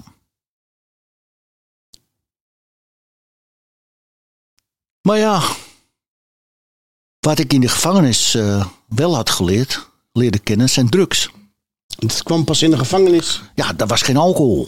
Nee, oké. Ja. Daar was geen alcohol. Nee. Ik moest toch mijn, eh, Ja. Een fix halen. mijn fix halen. Dus nou, het mooiste was, ik kwam, eh, was net uit de, de inkomsten, de, eh, de Amstel eh, heette dat, in, in de Schans gekomen. Het Huis van Bewaring, de Schans. En eh, ik zat op de eerste eh, paviljoen 1, cel 13. Eh, cel 12, sorry. 13 is nee. Dat is Bijlmer, toch? In de Bijlmerbaas, ja. En eh, ik was nog maar net op de afdeling en ik kreeg al zo eh, van iemand een plak een stuk hash. Zo. Nou, ik ja, nou, ik s'avonds te klooien met een aanstekertje en eh, gewoon, gewoon zo'n checkie, weet je wel. Toen kon ik nog helemaal geen joints draaien. En, eh, en eh, nou ja, later, ik, ik ontwikkelde me daar. Ik werd G- eh, GDECO. De gedetineerde commissie ging ik... eh, ik werd vertegenwoordiger van ons. Ik kreeg de stemmen van, er werd dan over gestemd. Ik kreeg de stemmen van de Zuid-Amerikanen, van de Turken, de Chinezen en de Hollanders. En ik werd gekozen en ik heb het dan geschopt tot hoofd van de GDCO's. Dus dat ik de voorzitter was. Oké. En eh, ja, ik kreeg ontzettend veel vrijheden. Omdat ik me netjes gedroeg en dat soort dingen. eh, kreeg ik baantje als torenreiniger, torenschilder. Dus dan kon ik me vrij door het hele gebouw. En als GDCO kon ik overleggen. In overleg kon ik zeggen, nou ik moet even naar paviljoen 4 om met de GDCO daar te praten. Dat waren meestal drukzaken. Weet je wel, ik, eh, even brengen, dat, dat voor die brengen en dat in en voor die Ja, ja. Gewoon hosselen. hosselen. En zo eh, verdiende ik mijn kostje bij elkaar. ja. Dat was ook. eh, was voor de eerste keer dat ik heroïne zag. Oké. Dan neem even een pakje mee, weet je wel. Kijk, zoveel. Nou, echt. Wordt wat afgebruikt, hè? Er wordt heel wat gebruikt, ja. ja, ja. Volgens mij Ik hoorde wel van bewaarders. Ja, hij zegt, die hash, dat interesseert ons niet, weet je wel. Hij zei, als we, als we nachtdienst hebben, je loopt hier s'avonds over de- Over de, over de vleugel. De, de- oh, verschrikkelijk. Gaat natuurlijk door, onder die deur door. Ja, natuurlijk. ja, ja. Nou, daar deden ze nooit zo moeilijk over. En ik had toen op een gegeven ogenblik... eh, Hij speelt ook een rol in eh, mijn boek wat ik nu aan het schrijven ben. Mijn derde thriller. Ik schrijf thrillers die spelen bij, eh, rondom het GVB. Ja. André van Dam, mijn alter ego, dan eh, de politie helpt met het opsporen van eh, moordenaars Ja. of eh, overvallers. Of, heel leuk. En, Want je hebt al drie boeken geschreven hè, voor, de, voor de kijkers die denken... ja, Dit is het eerste boek. Je hebt, je hebt er al drie geschreven. drie, drie van deze. Onder je eigen naam. onder mijn eigen naam. Ja. Het eerste, het moord, moord op lijn 3. Ja. Het tweede, het lijk in het ei. En dit wordt kidnap op lijn 13. Kidnapper. En daar rij je nog steeds op, hè? Lijn 13. Lijn 13 eh, is mijn vaste lijn, ja, nog steeds. Ja. Maar je hebt daarvoor ook nog een boek geschreven, toch? Na- Ik- naar God. Naar toch? God heb ik geschreven. En toen heb ik nog een boek over de 12 stappen naar geluk heb ik geschreven. Oh, wauw. Alleen die uitgever is failliet gegaan. En, maar ik, ik, ik heb de bestanden daarvan. Ik kan het nog een keer laten uitgeven. Het is wel... eh, ja, Dat som, moet ik doen, hoor. Sommigen vinden dat eh, het moet anoniem blijven. Maar ik denk, nee, ik kan hier andere mensen mee helpen. En maar het eerste, het, het eerste boek heette Naar God. Na God, ja. En eh, ik eh, ben, eh, toen ik eh, in 2011 eh, eh, na een zeer, zeer succesvolle opname in de Jelinek Obrechtstraat van een paar maanden ben ik katholiek geworden. Ik eh, ben toen naar de Vredeskerk gegaan. Daar eh, achter de Ferdinand Bolstraat. Ik had toen een, eh, een vriend van de Camorra. Mario. Mario Girasola. Die speelt ook een rol in het boek waar ik nu mee bezig ben. Dat is heel leuk dat ik hem daar ook in kan betrekken. Maar goed, die, die kwam toen naar me toe en die zei: Vriend, luister, mijn advocaat die doet ook in andere zaken. Hij zei zo van: Als je iemand naar hem toe laat gaan en je geeft hem 300 gulden, dan brengt hij hashies mee en dat neem ik naar advocatenbezoek mee. Nou, zo is het gebeurd. Mijn vader is daar naartoe geweest, naar Utrecht, naar die advocaat. En eh, die heeft 300 gulden neergelegd. En inderdaad, de plak hash die kwam binnen. Via de advocaat. Via de advocaat, ja. ja. Ja. ja. Oh, wauw. Ik dacht dat alleen familie dat deed. Ja, Toch? vroeger- Hoor je dan? vroeger, vroeger je advocaat. Oh ja? Nou, ik deed altijd zo, dan had ik zo'n fixbuisje. En die was zo lekker rond, die kon je goed in je, achterwerk- in je kluis. In kluis stoppen, ja. ja, de kluis. eh, ja. En het ruikt dan ook lekker als er fix in zit, toch? Of ben- zeg ik nou iets raars? Nee, de fix was er helemaal uit. Het was Oh, de heel- fix was- helemaal aange... aange De branden houden. met hasje of met eh, wiet, weet je wel. Hele goede Ja, ja. wiet. En dan had ik wel weer mijn voorraadje voor een week. Ja. Om net te zijn. Dat, eh, Zo komen de dagen door. ja, later toen eh, had ik iemand ergens mee geholpen. En die gaf me als eh, cadeautje drie gram cocaïne. Oké. Ik denk, dat moet ik ook eens proberen. Ja. Nou, dat moet je dus niet gaan doen in een cel. Paranoia. Jezus, wat erg was dat. Ja? Dat, dat is, heeft ervoor gezorgd dat ik nooit geen zin heb gehad om dat nooit te gebruiken. Ik zat de hele tijd in die cel. Ik hoorde wat. Oh, ze weten het. Ze komen. Ze weten het. Ze komen me En je kan geen kant op. Oh, wat moet ik doen? Moet ik bellen? Moet ik... moet- Echt verschrikkelijk. Je kan geen kant op. Nee, dat was het domste wat ik ooit heb gedaan. Zo. Dus ja, eerste keer cocaïne gebruiken. En de laatste keer. Is dat ook de laatste keer? Nou, nee, later heb ik. Nee, niet de laatste keer. Ik het later ook weer een keertje. Maar ook dat pakte weer helemaal niet goed uit. Dus dat, dat had voor mij Je geen. hebt gewoon geluk gehad, man. Cocaïne, dat had het voor mij niet. maar Daar je hebt gewoon geluk van, gehad. Dat, dat, dat, daar word ik gek van. Dat- Ja, Ja, ja, je hebt gewoon geluk gehad. waarschijnlijk geluk gehad. Wij hadden dat niet.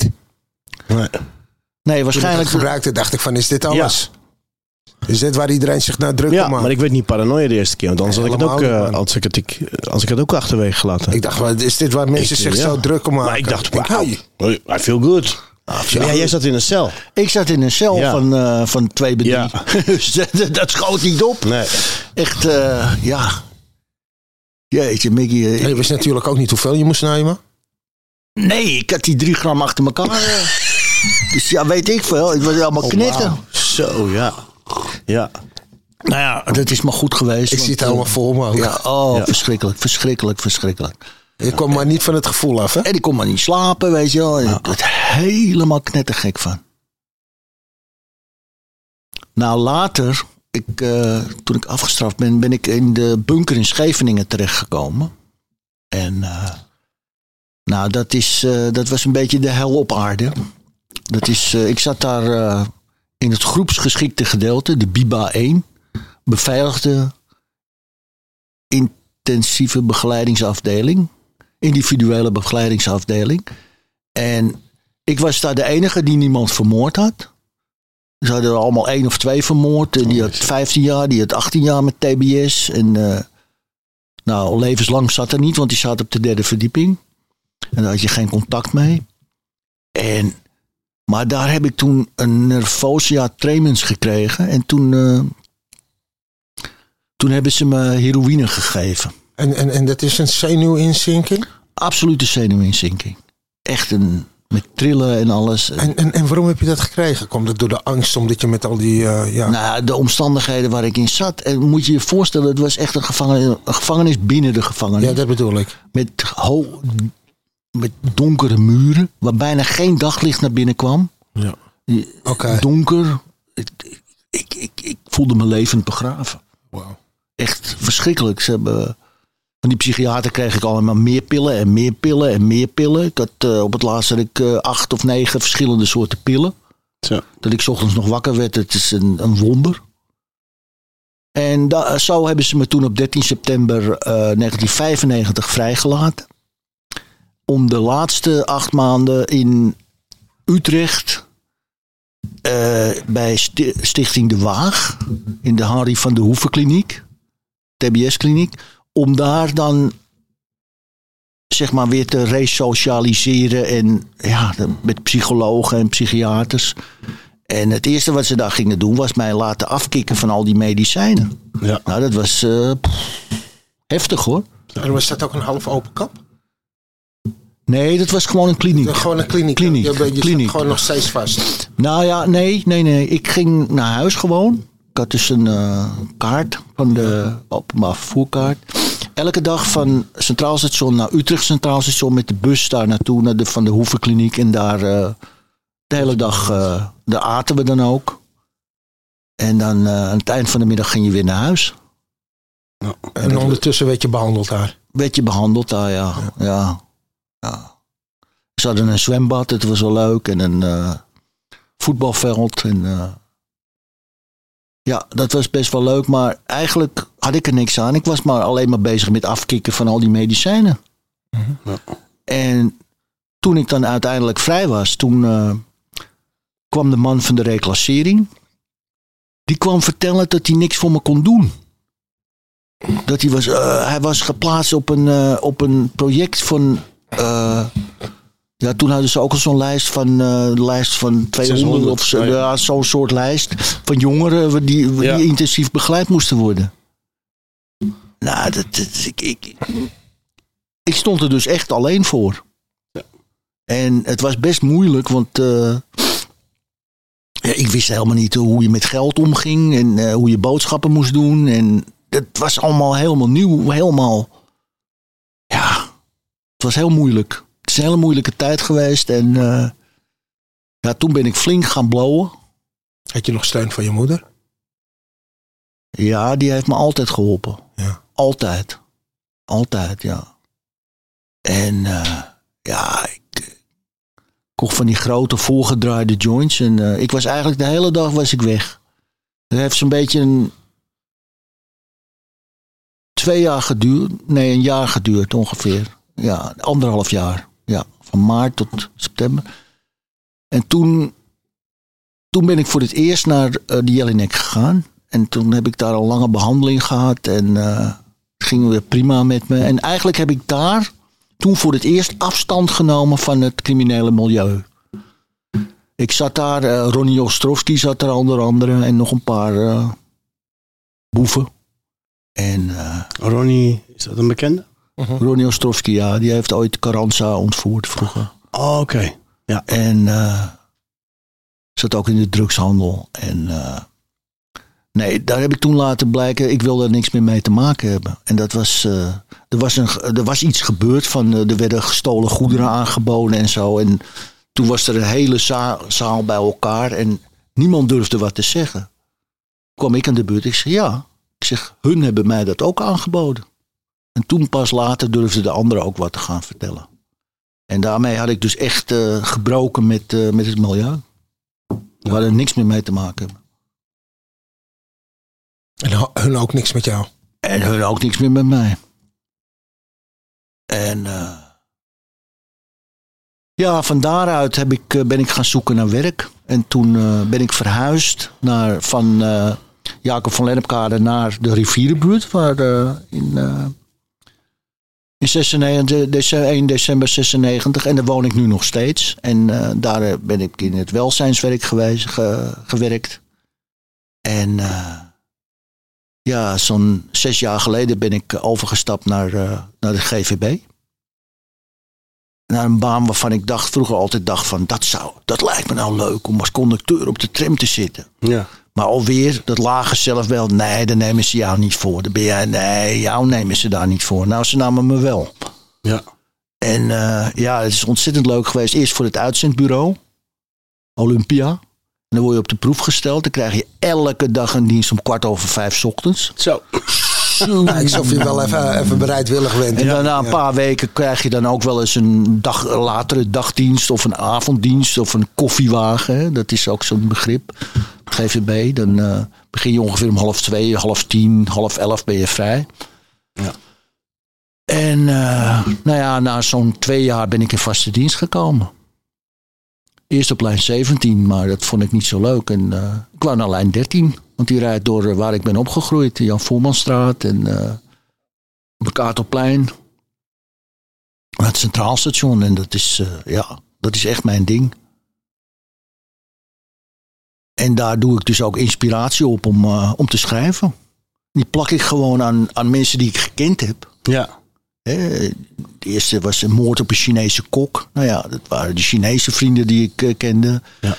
Eh, de tweede, ja, dat was eigenlijk weer een andere, Johnny. Dat waren vrienden die ik had in de, in de Nieuwmarktbuurt. Ook Penose. Die heb ik ook een rol laten spelen. En nu in de- dit boek, dat is een uh, vete tussen de Camorra en de Albanese maffia. Daar spelen Mario in en Don Gianni van de Camorra, die ik ook gekend heb.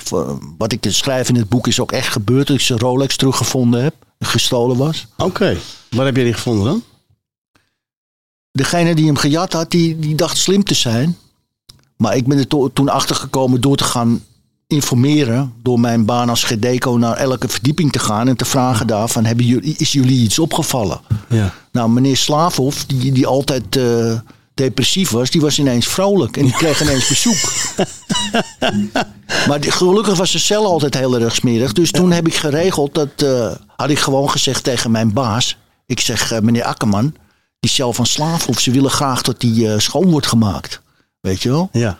En tuurlijk, ik wist die, die bewaarders die zouden dat geweldig vinden, weet je wel. Dus ik kom daar op een ochtend en vlak voor... Hij zou smiddags bezoek hebben en ik die ochtend. En ik had mijn schroevendraaier bij me en al dat soort dingen. Dus ik denk, hoe goed jij het ook verstopt hebt, ik vind het. En eh, ik kom op, die, eh, op, de, op de vierde verdieping, op eh, paviljoen 4. En ik zeg, nou, ik kom er zelf van slapen. Of, oh, geweldig, weet je wel. Als je een bakkie wil, kom maar hoor. Dus ze lopen mee, zijn de deur open. En ik begin natuurlijk wel met schoonmaken. Het was een, een zwijnenstal. En op een gegeven moment denk ik, deur dicht. Ik denk, nou, achter het stopcontact, nee, is te klein. Het speaker, speakertje van de radio. Ja. Gedaan. En hoor, Bingo. In één, twee keer. Ja. Ja. hebben ze. Zo. En eh, later heb ik gehoord dat hij volslagen uit zijn dak gegaan was, weet je wel. Ja. Dus, eh, nou. Maar ik had daar eh, credit opgebouwd. En ja, als ik ooit iets nodig zou hebben, dan kon ik naar Napels komen. Nou, eh, ik hoef niet naar Napels hoor. Dat, eh, Nee. Je blijft lekker op, dit, eh, op de lijn gebru- 13. ik, ik blijf lekker op lijn 13. Ik gebruik het nu in dit boek. Ja. Ja. En, eh, maar goed, we waren toen net eh, bezig. Ik, eh, ik ben toen Rooms-Katholiek geworden. Ik heb eh, met Pierre Valkering, ook uitvoerig in het nieuws geweest, omdat hij eh, eh, ontslagen is als priester. Hè? Omdat hij eh, bij zijn 25-jarig eh, jubileum eh, een boek eh, presenteerde. Ik, de week ervoor had ik hem gesproken nog. Toen had ik gezegd, Pierre, dat moet je niet doen. Ik zeg, dat moet je echt niet doen. Wat je nu gedaan hebt, moet je niet doen. Had hij dus beschreven dat hij dus eh, homoseksueel was. Nou, dat wisten we allemaal, maar dat maakt niet uit. Maar dus dat hij ook seks had gehad in darkrooms. Terwijl, ten tijde dat hij eh, priester was. En ook seks had gehad in, in, in zijn woning in de pa- parochie. Ja. Nou, dat is dus einde oefening geweest. Dat was een enorme shock. Ja. Echt, zijn hele familie die daar aanwezig was, die waren begonnen te, te huilen. En eh, verschrikking was dat. Ja. Ik begrijp niet dat hij dat gedaan heeft. Maar goed, Pierre is voor mij altijd heel goed geweest. Eh, ik heb een aantal gesprekken met hem gehad. En toen eh, ben ik in, zeg maar in opleiding, opleidingsklasje gegaan. En toen ben, eh, ben ik met twee anderen op. eh, eh, vlak voor de Pasen zijn we, zijn we gedoopt. En een paar maanden later ben ik dus eh, gezalfd, ben ik gevormd in Heilo. In het Maria-heiligdom in, Melle- in Heilo. En een paar jaar later, ik weet het nog, Pierre belde me en zegt: Roy, je moet naar me toe komen in de Obrechtkerk. Want dat, dat was toen samen. En eh, hij zei: Ik moet je iets vertellen. Er is nu zoiets bijzonders gebeurd. Dus ik kom daar. Ik zeg: Pierre, wat is er aan de hand? Hij zegt: Nou, er is hier iemand gekomen, een meneer Leeman, Fred Leeman. Die was eh, eh, hoofdconservator in het Van Gogh Museum. ten tijde dat jij daar Durov mm, gepleegd hebt. Ja. Hij zegt, en ik vind dit wel zo moeilijk. Want dan zit ik met een dader en de man van de schilderijen in één parochie. Hoe gaan we dat nou doen? Ik zeg, nou, eh, laten we het nou eerst maar eens op zijn beloop laten. Nou, wat gebeurt er? Een paar weken later, ik, eh, je mag voorbeden doen hè, in de kerk op een gegeven ogenblik. Dus ik loop naar voren en ik vertel over wat ik die dag had meegemaakt. Met een vrouw die vertelde dat een man op sterven lag. En dat ze nou ja, in paniek was. En eh, en ik met hem mee was gegaan om het eh, een beetje rustig te maken en zo. En na afloop is het altijd koffie drinken. Komt er een man op me aflopen. En ik wist altijd dat Fred Leeman was. En die zegt tegen mij: Oh, wat bijzonder. Ik zeg: Meneer Leeman, ik heb u in het verleden het, het leven wel heel erg moeilijk gemaakt. Kijk me zo aan. Ik zeg: Ik was het brein van de overval op het Van Gogh Museum. Zijn mond viel open. Ben, ben, ben jij dat? Later heeft hij me verteld. Later in 2015 zijn we met, eh, met de kerk van het hele bisdom, allerlei mensen uit het bisdom Noord-Holland, Amsterdam, Haarlem, zijn we naar Rome geweest. Een Rome-reis, waarbij we ook eh, audiëntie bij de paus zijn geweest en waarbij we logeerden in een klooster. En in die kloostertuin heb ik toen met, eh, met hem zitten praten, met Fred Leeman. En om ook eens aan te horen wat het hem had gedaan. En eh, nou ja, toen zat ik natuurlijk al in het programma. Dus ik, ik, ik denk, nou, ik kan luisteren nu naar een ander. Niet alleen mijn verhaal is belangrijk, maar wat het hem heeft gedaan. Nou, voor hem was het een soort terreuraanslag geweest. Twintig schilderijen die weg waren. Weet je wel, echt. eh, hij was net onderweg van Parijs naar Amsterdam toen hij het hoorde op de radio. Echt, eh, hij was helemaal, helemaal kapot ervan. En toen heb ik echt mijn excuses aangeboden. En eh, ja, hoe erg ik het vond. Ik zei, ja, maar ze zijn nu terug, dus maak je nou niet te druk, weet je wel. De bisschop die, eh, die had, was er ter oren gekomen, die had geregeld het KRO NCRV Kruispunt. Moesten daar een programma over maken. Ja. En dat is gebeurd. En eh, dat heet, die uitzending heet van Kruispunt Baas en Boef. En het is een hele mooie uitzending geworden waarbij wij om, elkaar omhelzen Ja. na afloop van de mis. En dat is, eh, ja, was voor mij eigenlijk de, de, de totale afsluiting van eh, het Van Gogh gebeuren. Ja, Mooi verhaal. Prachtig. Ja. Een soort van happy end bijna. ja vandaar Toch? dus, ja, eh, wat gebeurt er nou in 20 juli of 27 juli? Krijg ik ineens een, een berichtje op Messenger of eh, van iemand die contact met mij wil. Flynn von Kleist. Dus ik denk, wie is dat nou? Weet je wel, is dat een of andere, ja, weet ik veel, oplichter of zo? Ik, eh, dus ik typ dat in op Google. filmregisseur. Ik denk, oh, dat is interessant. Ik zeg, wat, wat zal die nou van me moeten? Afgesproken bij eh, de plantage. Een paar dagen later hebben we drie uur zitten praten. Hij had, was erachter gekomen dat ik er was. Stom toevallig is toen die overval geweest in Amsterdam-Noord... op dat geld- en goudtransport. Ja. Die enorme schietpartij. Eh, de Panorama had daarna weer een lijstje geproduceerd van eh, de grootste overvallen gepleegd in Nederland. Nou, daar stond ik nog altijd bovenaan. Roy de Spin P. Op nummer 1. En hij was erachter gegaan, eh, achteraan gegaan wie ik dan was. En, eh, en hij had me dat berichtje gestuurd. Hij zei, hoe sta je er nu tegenover? Ik zeg, nou, eh, met de kennis die ik nu heb zou ik het nooit meer doen natuurlijk. Maar eh, hij zei, vind je het goed als we daar een film over gaan maken? Ik zeg, nou, lijkt me wel leuk, ja. En eh, mevrouw zei, dit levert je eindelijk nog eens een keertje wat op. Ja. ja, dat is natuurlijk ook, ja, elk nadeel heeft zijn voordeel natuurlijk. En nou ja, zo is, dat is zich gaan ontwikkelen. En toen bleek zijn vrouw de filmproducer te zijn. En daar heb ik, eh Guusje van Deuren, heb ik eh, wel leuk contact mee. En nou, die zijn dus in gesprek gegaan met weer een andere producent die aanleveraar is van verhalen bij Netflix. En Netflix heeft dus belangstelling getoond, maar wil dat er dingen op papier worden gezet. Oké. En nou ja, dat is nu gaande. En eh, hoe het verder gaat. Verder was ik, had ik eh, eh, vorig jaar februari een groot interview gehad voor Parool PS. Over het boek wat toen uitkwam, Het lijk in het ei. En daar was een fotograaf bij en die sprak me daarna en die zei: Ik maak ook documentaires. Zou je dat leuk vinden? Dus dat was nog voor het film gebeurde. Film. eh, Ik zeg, nou, dat lijkt me wel interessant. Ik denk, nou, er komt toch nooit wat van. En ja hoor, ze zoekt contact met me. Al nadat, weer nadat, na, nadat ik met de film, eh, met de regisseur en de filmproducent bezig was geweest. En eh, dus ik heb ze contact met elkaar laten opnemen. En eh, nou, ze werken nu samen. En daar zullen ze deze week verder over gaan praten. Want zij wil aan het werk, zij wil die documentaire gaan maken. En ja, dat moet op de een of andere manier verweven worden met elkaar. Ja. Met Netflix samen. Met Netflix samen, ja. ja. komen grote dingen. eh, Hoe, het, hoe het gaat lopen, weet ik niet. Ik ben in ieder geval heel erg blij met mijn leven vandaag de dag. Mhm. Ik ben een trouwe bezoeker van AA en NA.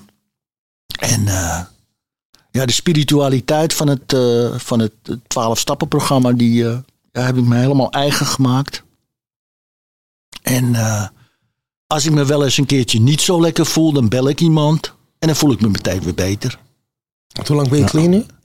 Eh, ik eigenlijk op mijn- Hoeveel 1, jaar? 1 april ben ik acht jaar. Wauw. Wauw, Dus Wauw. het is over alweer een een, paar aardige maanden. tijd, ja. Ja. acht maanden. ja. Acht jaar. Ja, wat ik net tegen jou zei ook. Ik weet nog wel, toen ik in Surinameplein zat en ik, zag ik jou je e- eerste jaar ophalen. Nou, dat was voor mij iets, ja, was een mythische figuur, weet je wel. Die, één jaar zonder drank, zonder drugs. Dat, hoe was dat nou mogelijk, weet je wel? Maar ja, je shared ook heel erg interessant. Ik denk, nou, die heeft verstand van zaken, zeg. Ja, ik ben helaas Ja, daarna wel teruggevallen. ik wilde, ik wilde net vragen. Is dat, is dat in deze periode nee, van dat is, nee, dat is acht, nee, acht jaar geleden. Acht jaar geleden, Ja, ja. Dat doet er niet toe, je bent weer teruggekomen. En daar gaat het om. Ja. Daar gaat het om. Ja. Je het programma blijven volgen. Daar gaat het om. Ja. Ja, ik, ik- maar ik weet ook hoe belangrijk het is. Want ik heb nu in een week tijd twee mensen zien wegvallen. Eén uit het NA-programma, een jonge knaap. Ja. Ja. Ja. Ja, het doet heel erg zeer omdat hij ook, eh, Ja, ik ken hem goed. dat Ja. hij ook bij het Helaas. GVB eh, ging werken. Helaas, ja. Ja, het heeft me heel erg pijn gedaan. En Tineke. En Tineke, ja. Ja, verschrikkelijk. Ja, helaas eh, redt niet iedereen het, eh Roy. Nee, mijn eerste sponsor eh, was dezelfde die jij hebt. Die zei dus ook van, als je in het programma komt, schaf maar een zwart pak aan. Want je zal het nodig hebben voor alle begrafenissen. En het is helaas waar. Ja. En als het bij jou fout gaat, dan hebben ze in ieder geval iets fatsoenlijks om je in te begraven. Ja. Ja. Ja. ja. Ja, ja, ja. Is echt zo. Ja. Hey, en je hebt een vrouw? Ik heb een hele lieve vrouw. En die, wij zijn al samen sinds 2007. En eh, Hoe heet ze? Fatima. Fatima. Fatima. Ja. Marokkaans. Marokkaans, Oh. ja. Nou, een uh, Berbervrouw. Sushi. Sushi. Sushi, echte Oh, sushi. En eh, ja. We hebben samen eh, een appartement gekocht in, eh, in 2010, geloof ik dat dat geweest is. Ja, 2010. We hebben een, een eh, appartement gekocht in Agadir. En dat hebben we nog steeds. En Het is, eh, ja, het is prachtig. Helaas zit zij daar nu, want ze kon het land Door niet meer corona, ja. ja, ja. Maar ja, goed, ze zit daar goed. Ze is in zijn eigen huis. Ze heeft eh, familie en vriendinnen en alles daar. Maar ja, ze mist mij. Ze mist Amsterdam. Ja. En ja, hopelijk dat gaat de 31ste het luchtruim weer open. En dan ga jij erheen of komt ze hier naartoe? Nee, dan ga ik daar naartoe en dan haal ik erop. Oké. Ja, Oh, ja. haalt erop. Ja, dan blijf ja, ik even een paar dagen. in. Ja. Ik ben in oktober ook een paar dagen geweest. Ja. En, eh, En ben je nog praktiserend eh, met je geloof? ja, ik bid vijf keer per dag. Ik Oh, je ben, bent eh, moslim. Ik ben moslim Oh, je bent geworden. moslim Ja. geworden, want ik was gebleven bij. Ja, ik was eerst katholiek. katholiek. Katholiek, ja. Maar je was ook in, je was ook in Israël. Was je toen Joods? Nee. Nou, ze hebben me geprobeerd Joods te maken. Oké. Ja, dat wel. Ik heb, ben, ben in opleiding geweest bij Rabijn Goldman. Oké. Ja, maar, Komt dan Sas.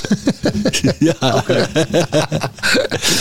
maar die, eh, nee, eh, Dina zei, alsjeblieft hou ermee op. Want ze maken, je, ze maken een robot van je, weet je wel. Echt streng orthodox. Ja. Nee, dat, eh, dat was niks voor mij. Nee. En toen zag je het in het katholicisme of in het... Later, Fatima heeft er toen op aangedrongen. Ze heeft me later verteld waarom. Oh. Ik had eigenlijk helemaal geen, geen godsdienst. Dus ik denk, hij moet eerst, eens, eerst naar God toe komen. Oké. Ik, ja, daarom had ik het boek ook naar God genoemd. Mhm. Ik was naar God. In Amsterdam naar de kloten. Ja. En ik ben bij God gekomen. En pas later heb ik ontdekt dat hij me ook kon helpen om van de drugs en de alcohol af te komen. Maar ja, dat was weer eh voor latere datum. Maar hoor, ik denk dat we nog eh, van jou eh, nog, nog dingen gaan zien. Ik ben heel erg benieuwd naar de documentaire. Heel erg benieuwd naar de Netflix-serie. Want dit leent zich toch voor een, ja, een hele mooie verhaal. Een heel mooie film. Je boek, ik eh, ben erg nieuwsgierig eh, naar al je boeken nu. Ik, eh, ik ben niet zo'n lezer, maar eh, ja, dit, ik, ik lees dingen die ik heel erg interessant vind. En ja, je vertelt nu een heel interessant levensverhaal. En dan wil ik heel graag die boeken ook wel eens eh, lezen. Dus ik ga de boeken lezen.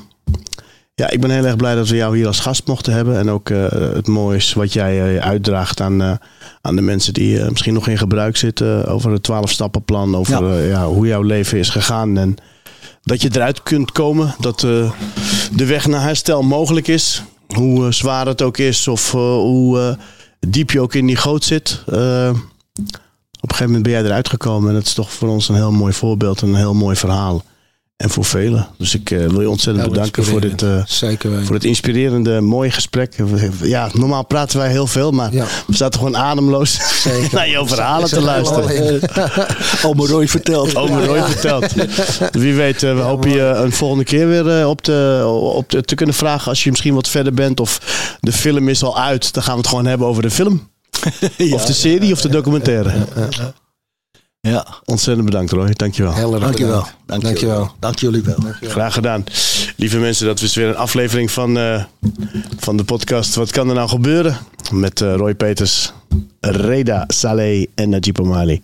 Dankjewel voor het kijken of dankjewel voor het luisteren en eh, tot de volgende keer. Tot de volgende keer.